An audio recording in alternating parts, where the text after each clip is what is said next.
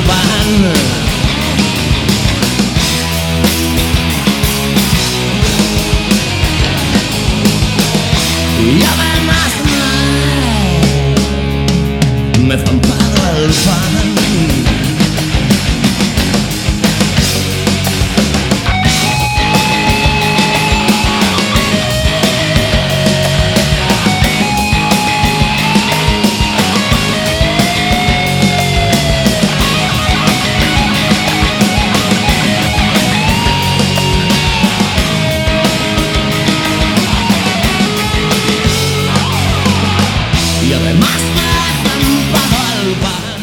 Ola, irmás e irmáns, zampámolo pan, claro que sí. Roberto Catoira nos bandos técnicos e Tomi Desastre. Zampamos este sábado pasado no Culturgal a Festa da Cultura Galega, ali estivemos un ano máis eh, pois coñecendo as tendencias, as novas músicas, os novos libros e disfrutando cun montón de xente coñecida que cada ano se achega a ese Pazo da Cultura de Pontevedra e ademais temos un sitio que se en algunha ocasión queredes que vos recomendemos para ir a comer que por certo Roberto me acaban de informar de que os venres hai un sitio en Pontevedra por ali pretiño do Pazo cocido por 8 euros como te quedas? Isto xa é un, unha virguería tremenda que os venres en Pontevedra xa esa opción. O sea, pois non son eu moi fanático do cocido tal, pero vamos, bueno, que bueno, se pode facer un esforzo, ¿no? bueno, que sí. agora co tren todo está cerca. E... Pois sí. Temos un programa de hoxe pois tranquiliño, non estaremos eh, acompañados aquí no estudio José Couso máis que por Roberto nos mandos técnicos, pero sí que teremos dúas voces femininas eh, as que as compañeiras do programa estarán por teléfono, así que imos eh, disfrutar hoxe de, de Beula Lume e de Isalema.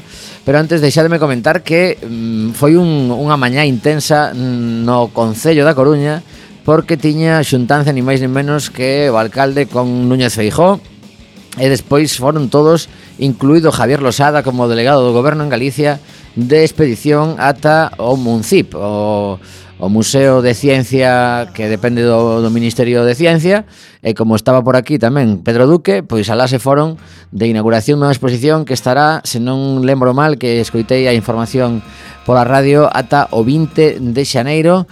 Eh, bueno, pois a ver si esta, estas visitas, esta mm, vamos a chamarlle normalidade democrática, facilita que as cousas avancen e non se empantane todo continuamente e que escoitemos a través dos medios de comunicación cousas do tipo de que é que fixan foi, eh, a Marea non fixo o seu traballo, o Partido Popular non fixo o seu traballo, o Ministerio non fixo o seu traballo. Eh, aquí hai xente que se levanta a sete da mañán ou antes incluso para ir a traballar a nivel descoñecido, quero dicir. Así que a ver se si os políticos eh, deixan de xogar tanto cos a información que mandan aos medios e, eh, e conseguimos avanzar en moitas cousas. Por certo que tamén No programa de hoxe faremos referencia onde estiven escuitando tamén aos compañeros de, de El Desinformativo Que estaban con gañas de comentar cousas sobre a campaña, e, bueno, máis que a campaña xa, os resultados das eleccións andaluzas E con Isa Lema pois faremos un, un repaso a, a que aconteceu por ali que non foi pouco e que pode provocar certos cataclismos tamén a nivel de todo o Estado porque xa como podedes estar comprobando hai movimentos de habría que ir convocando eleccións e ti como levas mm, pois non sei pero temos presos eh, no cárcere con eh, folga de fame Vamos, que é unha festa tremenda. Se queredes participar no programa, pois temos formas, claro que sí. Temos o correo electrónico, nan, eso non imos dar, porque xa a día de hoxe tendo un WhatsApp e tendo Telegram, pois mira, 644 73 7303 eh, o contacto telefónico de Quack FM por ese sistema e se queres falar connosco pois máis doado imposible 881 01 2232 E agora comezamos coa primeira canción do programa Unha artista que se chama La Otra E que nesta ocasión canta unha canción titulada Aprenderé Na que aparece unha segunda voz eh, eu vou aproveitar para dedicar esta canción a, a miña boa que hai seis meses falecía e que hoxe cumpliría 96 anos e toda a familia estamos acordándonos moitísimo dela porque era unha desas persoas que das que aprendíamos día a día, cada vez que estabas con ela aprendías, así que grazas a Maruxa.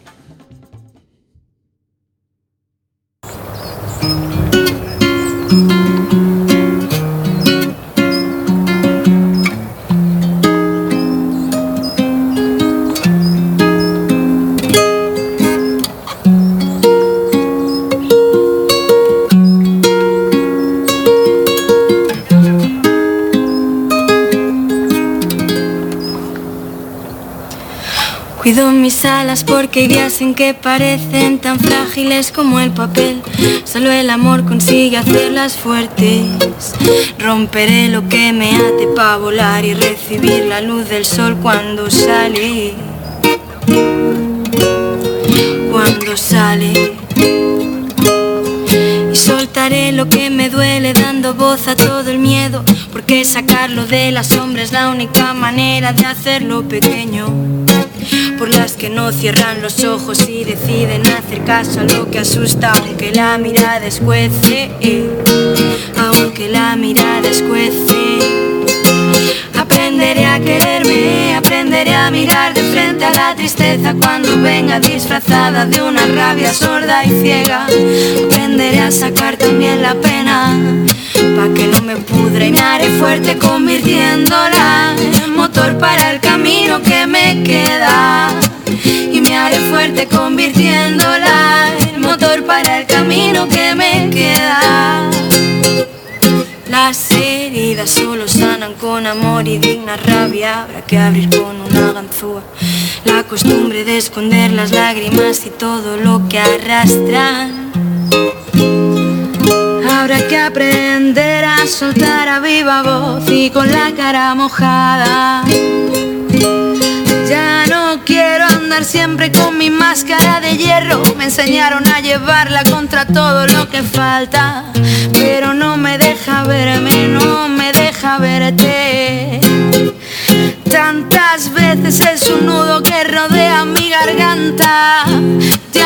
falta el aire. Hace tiempo que me falta.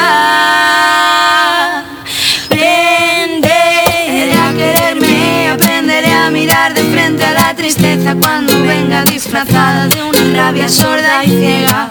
Aprenderé a sacar también la pena, pa' que no me pudre y me haré fuerte convirtiéndola en motor para el camino que me queda. Y me haré fuerte convirtiéndola en motor para el camino que me queda. Para, para, para, para. Para, para, para, para. Para, para, para, para.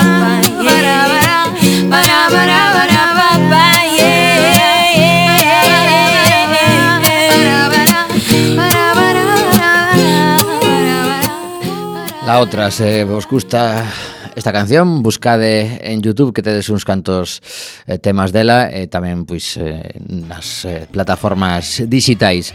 Deixademe que comente antes de falar con Isa sobre as eleccións andaluzas que a vindeira semana, para a xente que nos gusta a música, vai vir cargadiña a tope de actividades que eu considero moi interesantes e teño que recoñecer que mm, son un pouco culpable de parte do que vai suceder na cidade. E como é todo de acceso libre, pois o único que tedes que facer é estar eh, atentas a, a redes sociais, buscade en, en Instagram ou en Facebook, por exemplo, A Coruña respira música.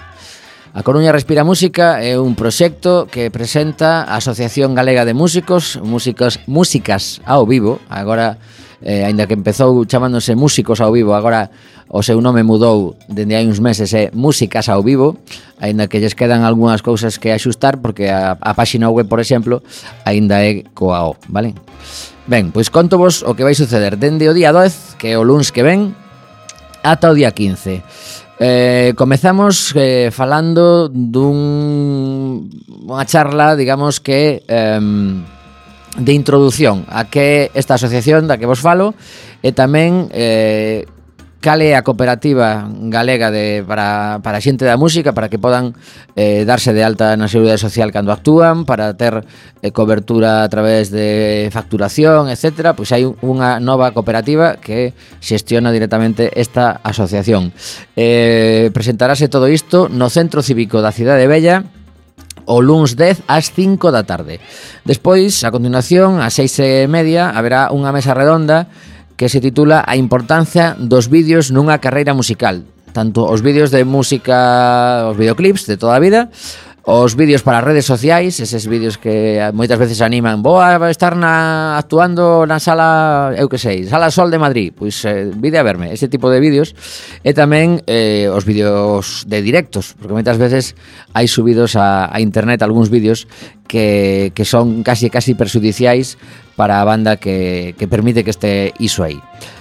Nesta charla estarán Bea Camiña, de Productriz Comunicación, Nura Foz, Nuria Foz, que é creadora de contidos audiovisuais e pertence a Mulleres Galegas Cañeiras, E por último tenemos a produtora Esferovite que forman Belén Montero e Juan Lesta eh, que levan xa uns cantos vídeos incluídos algúns de mm, xente tan coñecida como Alaska, por exemplo. O martes 11 de decembro seguramente haberá moita xente, de feito é a actividade que ata o momento ten máis demanda a clase magistral de Xavier Díaz, técnicas de pandeireta para o repertorio tradicional cantado e un repaso polos diferentes ritmos e técnicas asociadas ao canto, a articulación, independencia, tempo e diferentes patróns rítmicos. Repito, isto é gratis tamén, hai que aproveitalo. Temos a Xavier Díaz o martes de 11 a 1 e media na Escola Municipal de Música, iso sí, Para as masterclasses ou clases magistrais hai que mandar un correo electrónico para apuntarse que é comunicación arroba musicosauvivo.com Continuamos eh, xa esa tarde cun obradoiro formativo que imparte xente relacionada coa asociación, neste caso, elaboración de rider técnicos que é algo moi importante cando vas a sair a actuar por aí, mandar eh, o que precisas no escenario para que todo soe ben, e consellos prácticos para as probas de son e durante os directos. E está impartido por Diego Basadre, que entre outros artistas é o técnico de son, ni máis ni menos que de SES, que creo que xa andivo por aquí en algunha ocasión.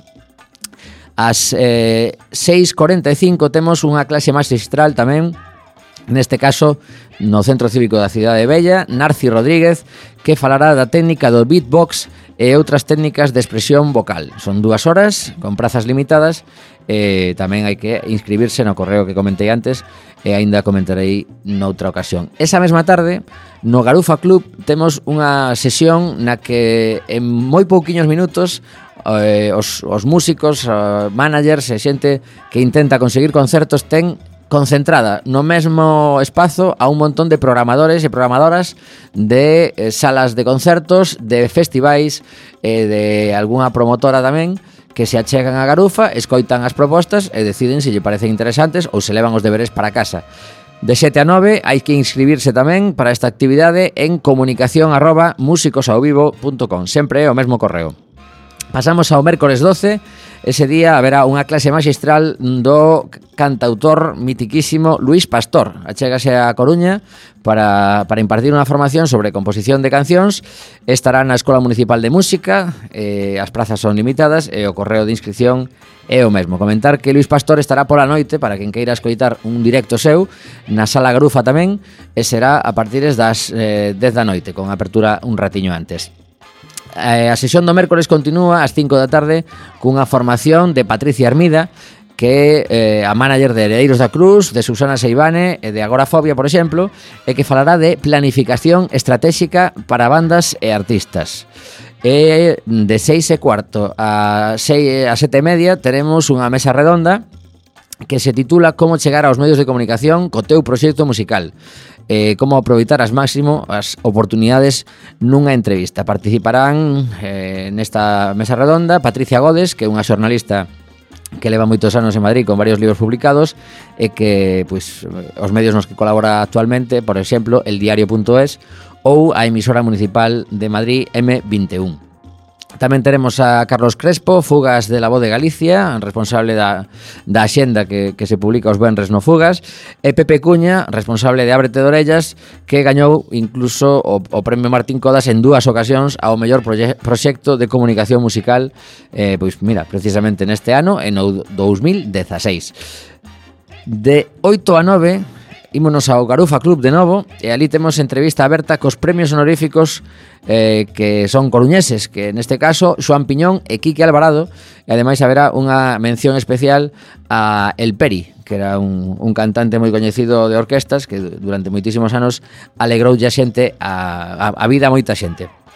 O xoves 13 temos clase magistral duns cracks do jazz experimental ou non sei exactamente como definilo, Sunra, e a súa representante Inés Portela tamén vai estar nesta, nesta clase magistral porque ela é a que se encarga de que actúen por todo o mundo, cosa que non é nada doada e seguro que aprendemos tamén un montón de cousas. De novo na Escola Municipal de Música e as prazas son limitadas. Correo de inscripción o mesmo, comunicación arroba músicosaovivo.com Ímonos pola tarde de novo ao Centro Cívico da Cidade Bella Eh, a mesa redonda titúlase O Estatuto do Artista e ali teremos a Berta Ojea que membra, bueno, membro da, da Unión de Actores e vogal da, de Igualdade desta asociación a Carlos Ares, presidente da Academia Galega do Audiovisual, e no sector musical teremos a Xacobe Martínez Antelo, que é representante de Músicas ao Vivo na plataforma de seguimento do Estatuto do Artista. Esa tarde de xoves, ás seis e media, ímonos de excursión ata a Casa Museo María Pita coa inauguración da exposición fotográfica Soundtrack mm, dun dos mellores fotógrafos de rock mm, que temos agora mesmo, sen dúbida, Juan Pérez Fajardo. Eh, esta exposición poderá verse nesa Casa Museo ata o 6 de xaneiro, para xente que non poda estar este sábado. Ese día teremos unha, perdón, este xoves, ese día teremos unha visita guiada co autor. E a continuación, el mesmo dará unha charla sobre a importancia da fotografía nunha carreira musical e as características que debe ter unha boa sesión de estudio para, por exemplo, a portada dun disco. O Benres, xa estamos rematando, dicirvos que ás 5 da tarde temos unha mesa redonda que se titula Salas de concertos e festivais a convivencia imposible eh, imposible o in está entre paréntese. Polo tanto, ao mellor non é tan imposible. E teremos a dous representantes de salas de concertos, que son Nuria Valera dende a Illa da Arousa, con a sala O Condo Moucho que acaba de pechar, pero ten moito que contar, e Pepe Garufa, bueno, Pepe Doré, coñecido por, eh, pola súa sala Garufa, na que leva máis de 20 anos, e que tamén é vicepresidente da Asociación Galega de Salas Privadas de Músico de músicos ao vivo.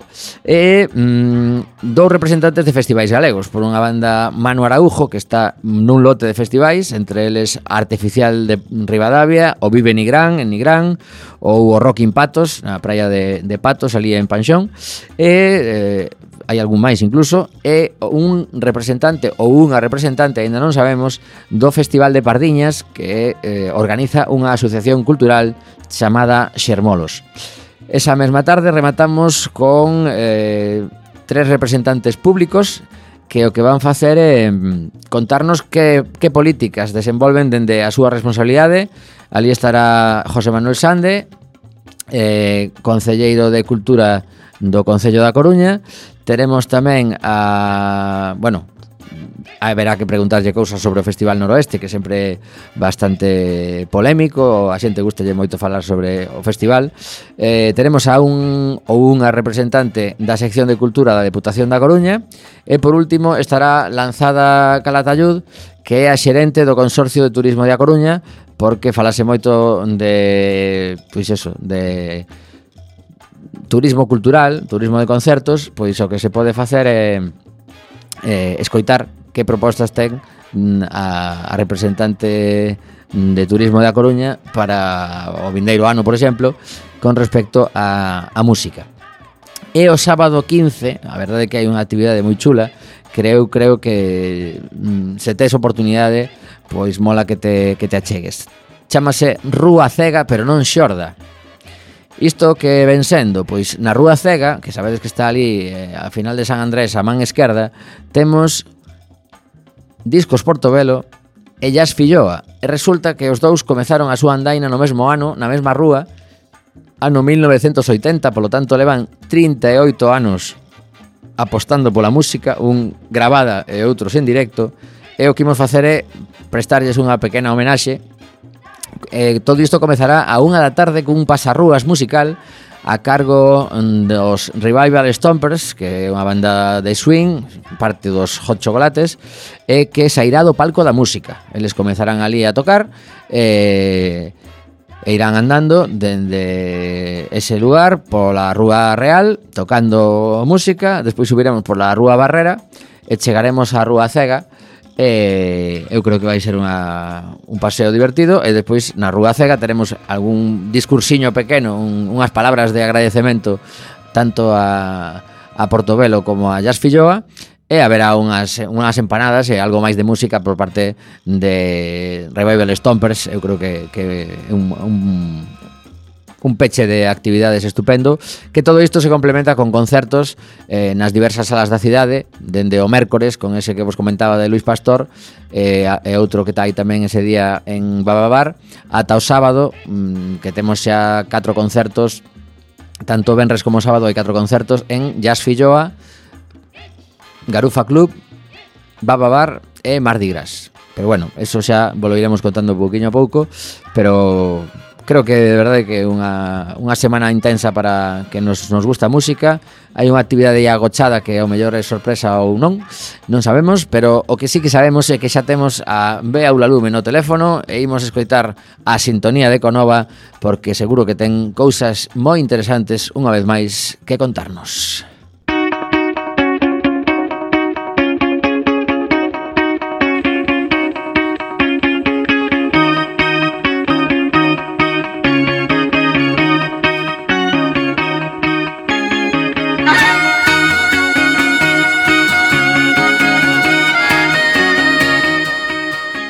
Hola, Bea. Hola, boa tarde. Como estás? Pois moi ben. Pois, mm, mellor estaría por aí arriba, pero bueno, pouquiño a pouquiño, xa chegaremos. Perfecto, pois eh, seguro que tiveches tempo para investigar algunha, algunha cousa das que nos contas relacionadas co medio ambiente.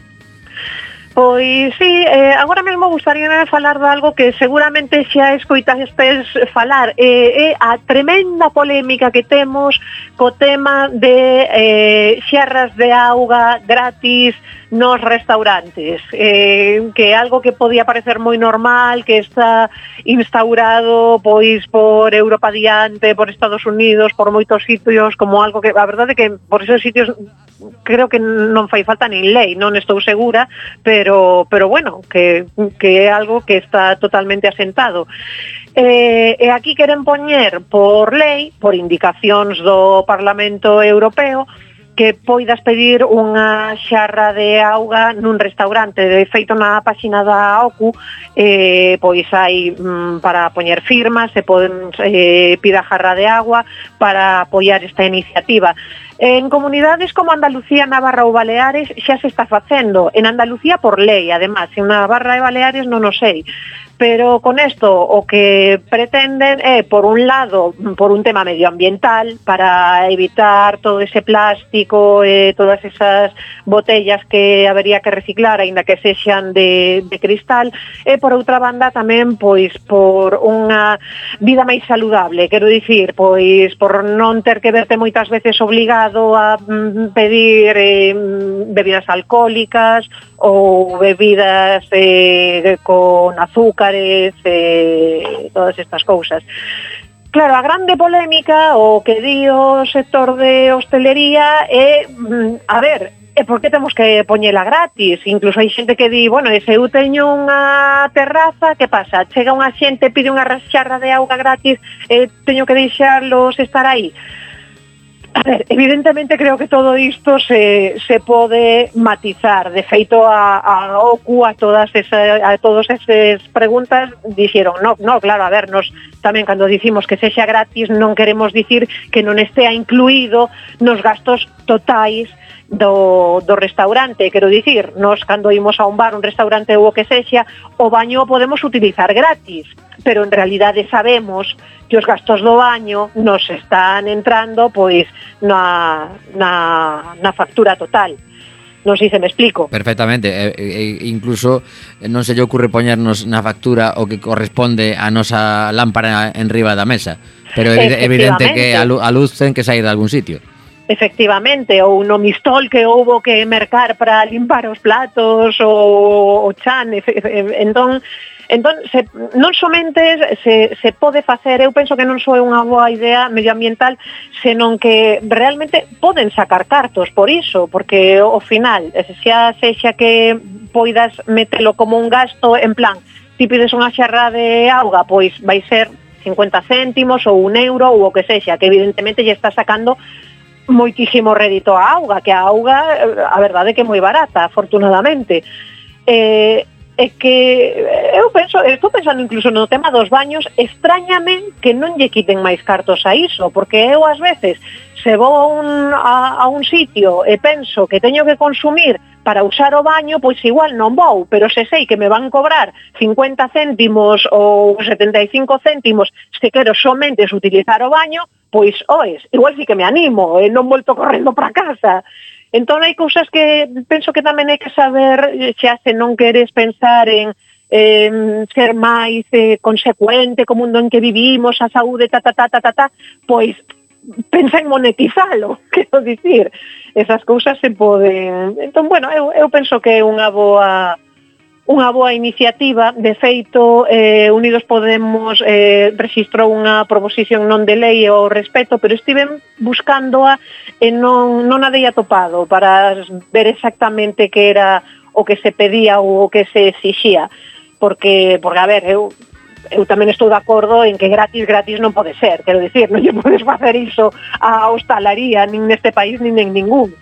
Pero, pero sí que pode funcionar. Se o facemos dun xeito civilizado, pode funcionar. Sí, realmente, eh, como, como dicías antes, en moitísimos lugares europeos pois está mm, super extendido o sí. tema de que ti pides a túa comida e, e de beber que queredes? Pois nada, unha, unha xarra de auga, pois ali sí, sí, chegan sí, con ela. Ou e... incluso chegas e xa está posta na mesa. Tamén, tamén, Eu estive no, o ano pasado na Emilia Romana, e o que en Bolonia, Ferrara e todo iso, e sempre que pides un café, póñenche un vaso pequeniño de, de auga con gas. Ajá, xa curioso. está instaurado, eh, é, non sei, é unha tradición, non sei por qué, pero non tes nin que pedilo.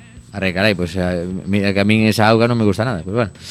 A min tampouco, pero mm, pero esta estaba boa. Manu. Non sei se era polo tamaño da burbulla ou por qué. E a verdade é que, claro, logo mm, deixaba moi moi ben limpo o, o que é a lingua e a boca despois do, do café, que sí que está mm. moi bo, pero é certo que a veces te queda aí o, o gustazo na, na boca. Uh -huh.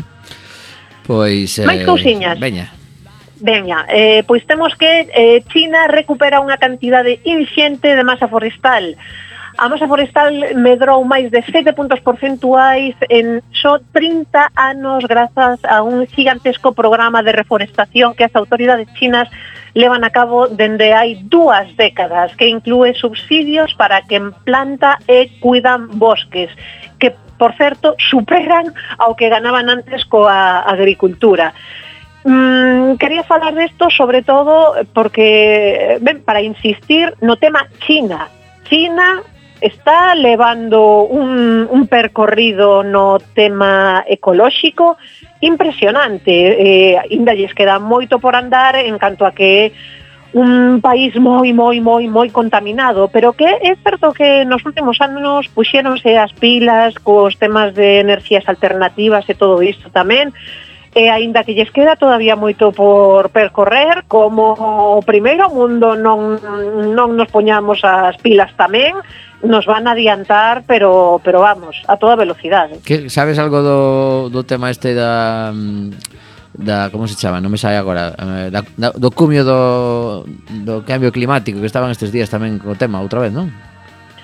ou unha xuntanza de Anda, andaban andaban co G20, vale, co vale, G20, pero claro, pero aí, aí creo que había unha parte tamén adicada ao medio ambiente como sobe suceder, o que pasa é que uh -huh. como como está Bush aí, que diga Bush, joder.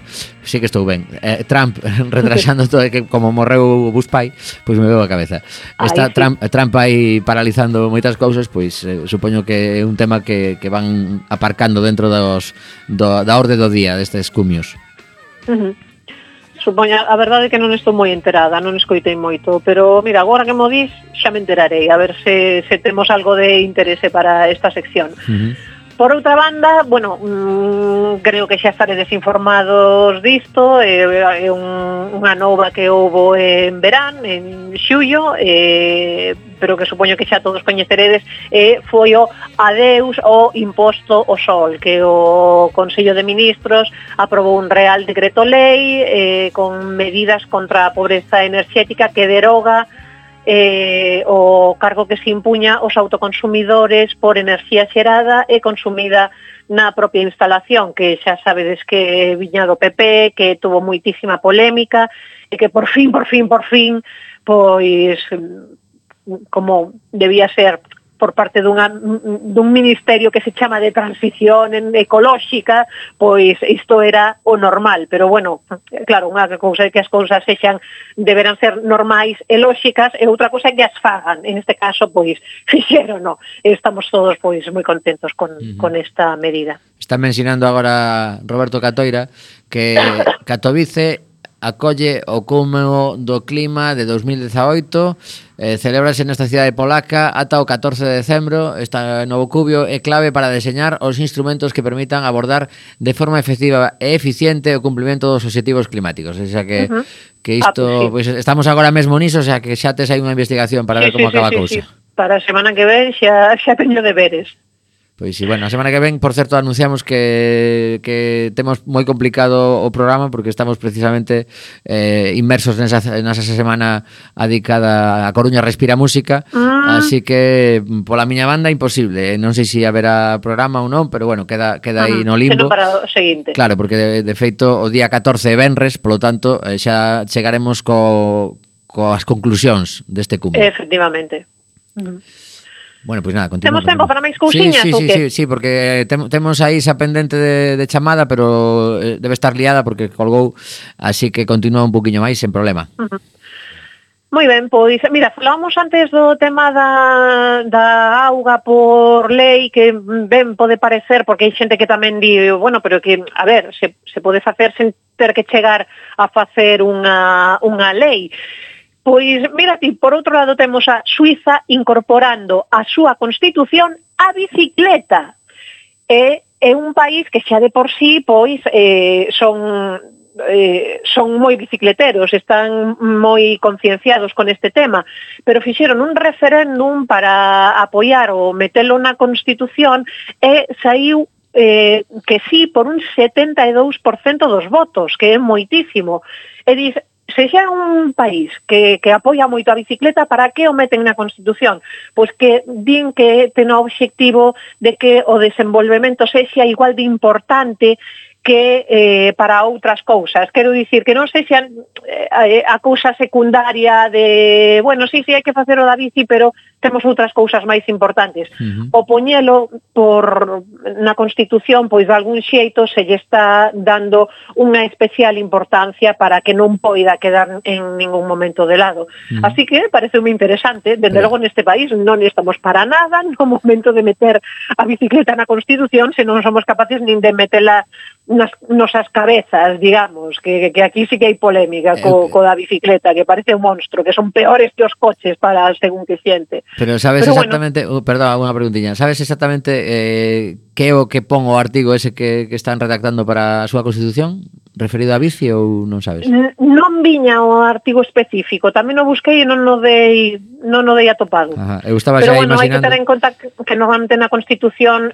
o que non vene un desenvolvemento moi eh, moi pormenorizado, é eh, un pouco como a quen sí, sí, pensamos o... que isto é importante, hai sí. que darlle importancia a estas vale. cousas. A cidadanía ten dereito a un uso legal é outro tema. adecuado da bicicleta e se potenciará por parte dos poderes públicos, algo así, seguramente. Uh -huh. Pois, eh, pois eu, non o dei atopado todavía. Vale, eu, eu estaba agora mesmo pensando xa que se si Forges estivese vivo, seguramente estaría facendo un chiste ao respecto porque el ten a súa famosa que a que consulto é unha casa, a miña Constitución uh -huh. de Forges e como facía un, un chiste de cada un dos artigos, seguro que este lle, lle sacaba punta rapidamente e eh, aparecía uh -huh. algún, algún ciclista adi adiantado adiantado por un por un señoriño maior ou calquera cousa desta. Sí, sí, sí, sí. Escapando, grande, escapando dunha velutina, sabe Deus. Bueno. Uh eh, -huh. E rematamos con eh, algo que eu levo pensando moito tempo que debería existir mm, parecíame moi obvio, e, e supoño que cando escoites ti vas dicir exactamente o mesmo, é que abriu en España o primeiro ximnasio no que o teu esforzo xera enerxía. Que non sei ti, pero eu sempre que paso por diante dos gimnasios, que ves a toda a xente aí, veña a pedalear e veña nas mm, cintas de camiñar e todo isto, uh -huh. eu sempre pensaba, a ver, se eu tiña unha bici que se acendía a luz pola Dinamo, como é posible que todavía non se estea pensando nos gimnasios que toda esa xente mm, facendo eh, enerxía eh, sí, sí, sí, sí, sí. cos seus movimentos eh, como que non o están aproveitando para eso, sinceramente para a luz do, de feito, que do gimnasio. Acabas de decir algo que é realmente escandaloso que non esteamos traballando, porque simplemente pensar nunha clase de spinning, que é unha tolemia, porque eu ás veces que vou a, a casa da auga e que están ali os de spinning pegándose uns sprints de cando en vez e tal, eso ten que xerar unha cantidad de enerxía e de feito, sí, sí, me, acaba, sí, sí. me acabas de lembrar a, a miña única experiencia con respecto a isto, xerando enerxía foi naquela famosa expedición que fixen a Berlín, desde a que tanto se falou en Quack FM, uh -huh. eh, que, eh, que para proxectar unha película éramos mm, como 16 bicicletas xerando enerxía eh, nos, sí. daba, nos dábamos rebelevos porque eu casi, casi me estoupan as pernas porque me tocou unha que estaba durísima e ali sí. había dous fenómenos e resulta que nos enteramos despois de que eses dous fenómenos que aguantaron toda a película pedaleando participaron no Tour de Francia. E claro, non salí ah, reventados, eh, eran eran extras invitadas, claro, parecía que era xente claro, do público, claro. porque tú levantabas a man e aparecía unha persoa para relevarte, vale? Claro. E gracias a iso vimos unha peli que aparte foi unha peli maravillosa mm, sobre, eu creo que ata, ata busquei despois e non sei se cheguei a, a proxectala por aquí por Coruña, bueno, total, que, que esto, da, esto da enerxía que acabas de comentar eh, eh non se me pasará pola cabeza, pero é que é un, casi un delito non aproveitar todo iso. sí, a verdade que sí. Ah, me, eh, din que xa eh, había gimnasios nos que había, pois, eh, algunhas, pero cousas soltas, sabes, algunha bici, algunha cosa, pero isto xa é como un ecogimnasio, uh -huh. por dicilo de algún xeito, no que procuran que, que eso, eh, teñen todas as bicis de spinning, as cintas de correr e as elípticas, aproveitar a enerxía para, para transformala en, en vatios.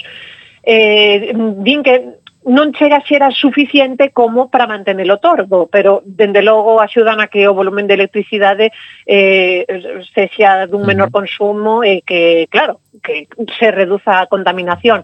E non só iso, senón que ademais din que eh, estes vatios que xeran os clientes vanse acumulando e despois de forma individual poderán ter descontos en outros servicios ou actividades do centro ou na súa cuota mensual. Ah, claro. Así que, moi ben, moi ben pensado, sí, din que sí, xa sí, se sí. fai así xa hai gimnasios eco en Estados Unidos e algún por Europa adiante e, bueno, pois xa vemos que vai ser o que vaya chegando aquí tamén. Claro, tendo en conta que hai moita xente que paga cuota e non vai nunca, pois o lóxico é que aos que aos que xeran esa enerxía lles desconten un pouco, pois senón se van a cabrear e deixan de ir tamén.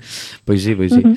Bueno, Bea, pois moitísimas grazas por este repaso chulísimo a este este mundo tan interesante da ecoenerxía e, uh -huh. e agardamos iso que en dúas semanas estamos eh, convocados a esta mesa de, do estudio José Couso a ver se si por fin nos vemos eh, uh -huh. e nos abrazamos. Vale? vale? Estupendo. Moitísimos bicos. Deseando. Pois, Biquiños, eh, chao. Ata pronto. Bueno, pois eh, agora eh, a continuación imos escoitar unha, unha canción destas que, que fai a Postmodern Jukebox que se dedica a, a buscar temas coñecidos e darlle un aire así anos 50, 60 swing E, e mentres tanto intentamos localizar a, a Isalema a ver se agora está disponible para falar das emocionantísimas eh, eleccións andaluzas. Eu teño aquí diante para que para abrir boca, teño diante o Colexio Electoral da localidade de Alaurín de la Torre, en concreto do Colexio Campo Amor Clara Campo Amor Ides flipar. Música, maestro. Life is a myth. Mystery. Everyone must stand alone. I hear you call my name, and it feels like home.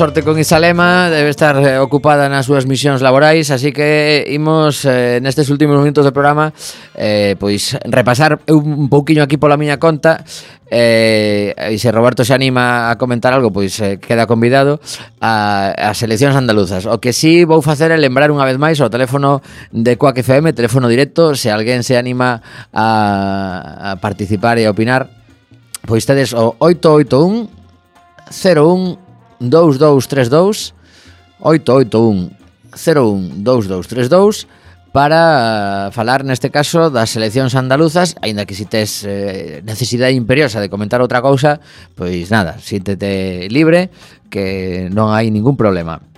Pois eh, dicía eu nestes minutos eh, de, de canción que teño aquí un par de cousas que me parecen significativas de comentar porque Mm, durante os vindeiros días imos seguir escoitando miles de cousas, miles de posibles combinacións, a ver se se acepta que Vox teña mm, representación incluso no, no goberno andaluz ou simplemente se lles pide que voten a favor dun cambio en Andalucía porque é unha das cuestións máis delicadas. E eh, supoño que a sorpresa que tamén se levou Roberto cando viu que 400.000 andaluces decidían que Vox era a súa mellor opción, pois foi considerable ou non? Non estou moi o tanto, pero mm, bueno, pues 14, a, mí, a mí some a mí some algo de que As, as enquisas, como sempre, fallaron estruendosamente, para non variar. E que decías de Laurín de la Torre? Non sei, sí. estaba eu... Sí, nada, pois que teño, teño diante un xornal que publica colexio por colexio as votacións eu eh, entrei e como están por orden alfabético atopei a Laurín de la Torre que sabes onde está a prisión esta tan famosa na que foron a, a parar algúns dos do, por exemplo, pues, creo que Julia Muñoz algún supoño destes. que os Andalucía supoño. Sí, sí, sí, haberá, haberá unhas cantas que aquilo é moi grande Sí, bueno, hai unha por provincia, ¿no? como mínimo, no, creo Sí, por mínimo Aquí seguro. en Galicia como mínimo hai unha por provincia e pode que alguna máis e en Andalucía habrá máis. Claro, bueno, pois pues, o tema é que eh, eh entrei a buscar as, as votacións en Alaurín de la Torre e en concreto eh, había pois oito colexios electorais e un deles era o colexio Clara Campoamor. E pareceume unha oportunidade de compartir coa nosa audiencia que pasou nese colexio con ese nome tan representativo. Clara votante de Vox no seu momento. Por, claro, por suposto. Ob obviamente. Claro, entón unha unha muller eh, que loitou para que as mulleres as mulleres, perdón, puidesen votar eh, seguramente agora mesmo terá os pelos de punta a ver o que se votou no seu colexio, vale? Entón imos repasar eh, o ali sucedido para que a xente se faga unha idea de, de, de o que o que lle pode estar pasando pola cabeza a Clara Campoamor alá onde este. Partido máis votado en Alaurín de la Torre, Colexio Clara Campoamor, Ciudadanos, 400 votos. Segundo partido máis votado, Partido Popular, 303 votos.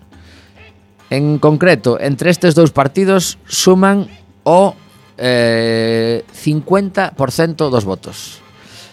En terceira posición, adelante Andalucía, que sabedes que pois eso, unha confluencia na que podría estar tamén a xente de Podemos, 239 votos e un 17,08%. Cuarta posición para o Partido Socialista de Andalucía, que é, claro, un castigo considerable despois de tantos anos gobernando, e supoño que eh, a corrupción da que tanto se falou eses seres e esas eh, cousas que foron saindo durante os últimos anos fai mella e logran 212 votos e o 15,15% do total. Dicir que neste, nesta mesa en concreto votou un total de 1.399 persoas. Estamos a falar dun, eso, unha mesa na que se achegaron 1.400 persoas, redondeando.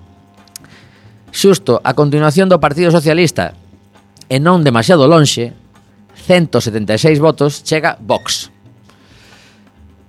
A partir de aquí xa a, o descenso é moi considerable con respecto ao resto de partidos. Temos a, o PACMA con 31 votos, o 2,22%. Equo eh, saca 7 votos nada máis. E a partir de aquí xa son votos son partidos que eu descoñezo por completo pero que eh, fan un grupo de, espérate, porque son un lote deles, mira que se presentaba partidos diferentes en Andalucía, que é unha cousa tamén curiosa, entre dous e un voto hai un, dous, tres, catro, cinco, seis, sete, oito, nove, nove partidos que teñen entre dous e un voto en Alaurín de la Torre. É un, uh -huh. Hai xente que, que estivo buscando aí, por exemplo, recortes cero é o último partido que a cada votos e ten un voto. E, por último, comentar como detalle que Falange Española das Jons continúa presentando as eleccións, pero claro, como eu terreo Vox, eh, elevan cero votos. Son claramente máis ganadores que sí. que Falange, que estaba en capa caída xa hai moitos anos. Eh, mm, dicir que, sorprendentemente, tamén se presentaba UPyD e eh, acadou cero votos. Ah, vai. Non... Sí non, non teña claro se seguía existindo. Pois pues aquí, bueno, o, o mellor eh, aparece aquí na lista porque se lles quedou como unha comparativa uh -huh. de outras eleccións, pero sí, pues sí. Total, que votos en branco 18 e como vos dicía antes, o total é de 1399 neste colexo electoral no que supoño que queda claro que gaña a dereita clarísimamente, porque se si sumamos os votos de Ciudadanos, Partido Popular e Vox, nos levamos a cifra do eh, exactamente 63% aproximadamente. Aí vai un Eu, eu escoitara algo nas últimas semanas, pero que a verdade que non teño claro se era unha enquisa das andaluzas uh -huh. ou máis ben, creo que era eh, pois cando se empezou a especular en nas semanas porque Ábalos o comentou que o mellor se adiantaban as eleccións, se fixo unha especie de enquisa do CIS destas moi cociñadas. Ajá. Eh, a nivel de todo o estado, non? e dicíase que Vox podería entrar no Parlamento Español eh, por Almería, casualmente que sospeito o sea, que... A, a única provincia que aportaba... Eh, sí, sí, eu quero recordar que se falaba a nivel estatal, ah. non andaluz, e non sei, esa idea me fai pensar que que nestas eleccións, eh, porque eses 12 escaños que conseguiu no Parlamento Andaluz, porque provincias son de Vox? Pois, eh, se non me equivoco, foron seis provincias diferentes, en algunhas uh -huh. delas dúo, dous eh, uh -huh. representantes. Pode ser que hai alguna máis, porque tampouco me metín demasiado aos datos, porque confiaba que en que Isa tivese un análise máis uh -huh. profunda. Eh, o que si sí vimos facer é eh, unha comparativa con outra mesa electoral, neste caso, Asociación de Mujeres El Palo, que é un, unha das mesas electorais da eh, capital, de Málaga. Málaga uh -huh. capital, vale? Uh -huh. Que sucede ali? Pois curiosamente o, o cambio é considerable. O Partido Socialista é a forza máis votada en nesta nesta mesa con o 27,65% dos votos, pero tamén é certo que é unha mesa bastante pequeniña en canto a número de persoas, votaron 586 e eh, o Partido Socialista acadou 162, seguido por Ciudadanos con 133, o 22,70% dos votos, Adelante Andalucía é a terceira forza aquí, co 18,26, a cuarta o Partido Popular con 91 votos, e o 15,53 e de quinta chega unha vez máis Vox, neste caso con 57 votos e a 9,73. A partir de aí, pois mira, te confirmo que o UPyD sí que se presenta porque ten un voto aquí nesta mesa. Ben, bueno. O sea, eh, que eh, siguen aí remontada. Remontada, remontada. sí, sí, en, en Málaga capital hai unha persoa que confía en UPyD. Eh, despois comentar que eh, Falange Española sigue con cero votos, pero tamén nesta mesa se queda con cero votos Equo, que pues, digamos que son os, os verdes de, de toda a vida, pois eh, non, non acadan ningún, ningún de voto. De feito, se non lembro mal, porque polo que escoite domingo, Equo eh, case involuntariamente foi un dos protagonistas da xornada porque en algunha mesa electoral ou en dúas de diferentes lugares desapareceron antes de comezar as votacións as papeletas de ECU e eso provocou que as, esas mesas electorales se... Eh, como se chama? Se, se pechasen. No, no, sí, se abrisen, pero quero decir que, bueno, quedarán conformadas, algo así, Ajá. eh, como 45 minutos máis tarde, e eso eh, fixo que se pechasen máis tarde e polo tanto fixo que que os resultados finais non se suberon hasta media hora máis tarde do previsto, polo retraso desas dúas. Sí, sí, sí. Bueno, eso supoño que significaría que todas as enquisas a pé de urna feitas e que se iban a publicar ás 8 da tarde, houbo que esperar hasta que esas dúas mesas pecharan, claro, porque supoño que será ilegal que haxa xente votando e que xa saiba resultados en enquisas feitas ese día. Sí, sí, creo que, que efectivamente entón, pues, eso sucede. Sabes? Pois, que bueno, pois, pasan. evidentemente eh, daría para un análise moi longa o acontecido en Andalucía porque porque cada cada provincia xa en sí mesma debe ser un mundo uh -huh. eh, e incluso se si nos metemos iso por, por barrios como soe suceder pois en función de diversos factores haberá diferencias moi considerables pero o que está claro é que eh, as, as cifras eh, son moi curiosas cando un partido gaña as eleccións pero esa famosa coalición de perdedores da que tanto falaba o Partido Popular como algo prohibido, algo malísimo para a democracia, realmente eh, rapidamente lles vale perfectamente para eles buscar eh, que a mí me parece perfecto. O que pasa sí. que o, me parece unha hipocresía das habituais deles, eh, dicir que eh, cando elles gañaban as eleccións municipais iso non valía, e agora que son eles que teñen que pactar, vale perfectamente. Uh -huh. Eso, mm, de feito, creo que descoitéis a estos días a Pablo Casado ou a Juanma Moreno, non sei, dicir que, non, non, esa é a nosa norma e o que propugnamos, pero lle propusemos aos demais, non aceptaron, entonces xogamos coas reglas dos outros que agora nos convenen. Correcto. Non sabes, é unha... Pois pues mira, teño aquí un profesor que publica un tuit que me parece bastante significativo e que vou deixar como reflexión de final de programa eh, porque creo, sinceramente, a miña reflexión e posiblemente este super equivocado, eh, e quero deixalo claro que non non é máis que unha intuición que teño eu. Por despois de ler este tweet, este perdón, este esta publicación eh, de, de Juanito Libritos en en en tweet, en Twitter, perdón, eh, ratifica de alguna forma o que eu pensaba, que hai alguén fixo un traballo moi potente en redes sociais por parte de Vox é que moitísima xente xoven por algún motivo que descoñezo, posiblemente polo tema catalán, decidiu que a súa opción, porque normalmente este tipo de mensaxes simplistas é o que máis cala cando a xente non, non se para demasiado a analizar a quen lle vai votar, pois acabou facendo pois que 400.000 persoas votasen a Vox, o que non sei é mm, sabemos que o 58% foi a votar e un 42% non foi a votar. Si ese 42% está realmente arrepentido da súa decisión ou está contento con ese cambio en Andalucía. Non o sabemos, supoño haberá de todo. Pero vou co, co tweet. Di así. Nueve de mis antiguos alumnos siguen a Vox en Instagram. Los nueve son simpáticos y educados. Todos varones y de pueblo. De familias humildes. Trabajadoras. Sin grandes problemas. Siete de ellos podían votar ayer por primera vez. Y parece ser que la ultraderecha fue quien les sedujo. Queda aí a reflexión para que cada un analice eh, sabemos que Vox xa está na cidade. Eu entrei no, na páxina web de Vox eh, aparecía que en Coruña non tiñan representación, pero ao día seguinte xusto aparecen tres xóvenes sorrindo en María Pita dicindo que son a representación de Vox. Ata aquí a alegría de hoxe. Pensemos. Quedades con recendo. Grazas, Roberto, un día máis. Ata pronto. Chao.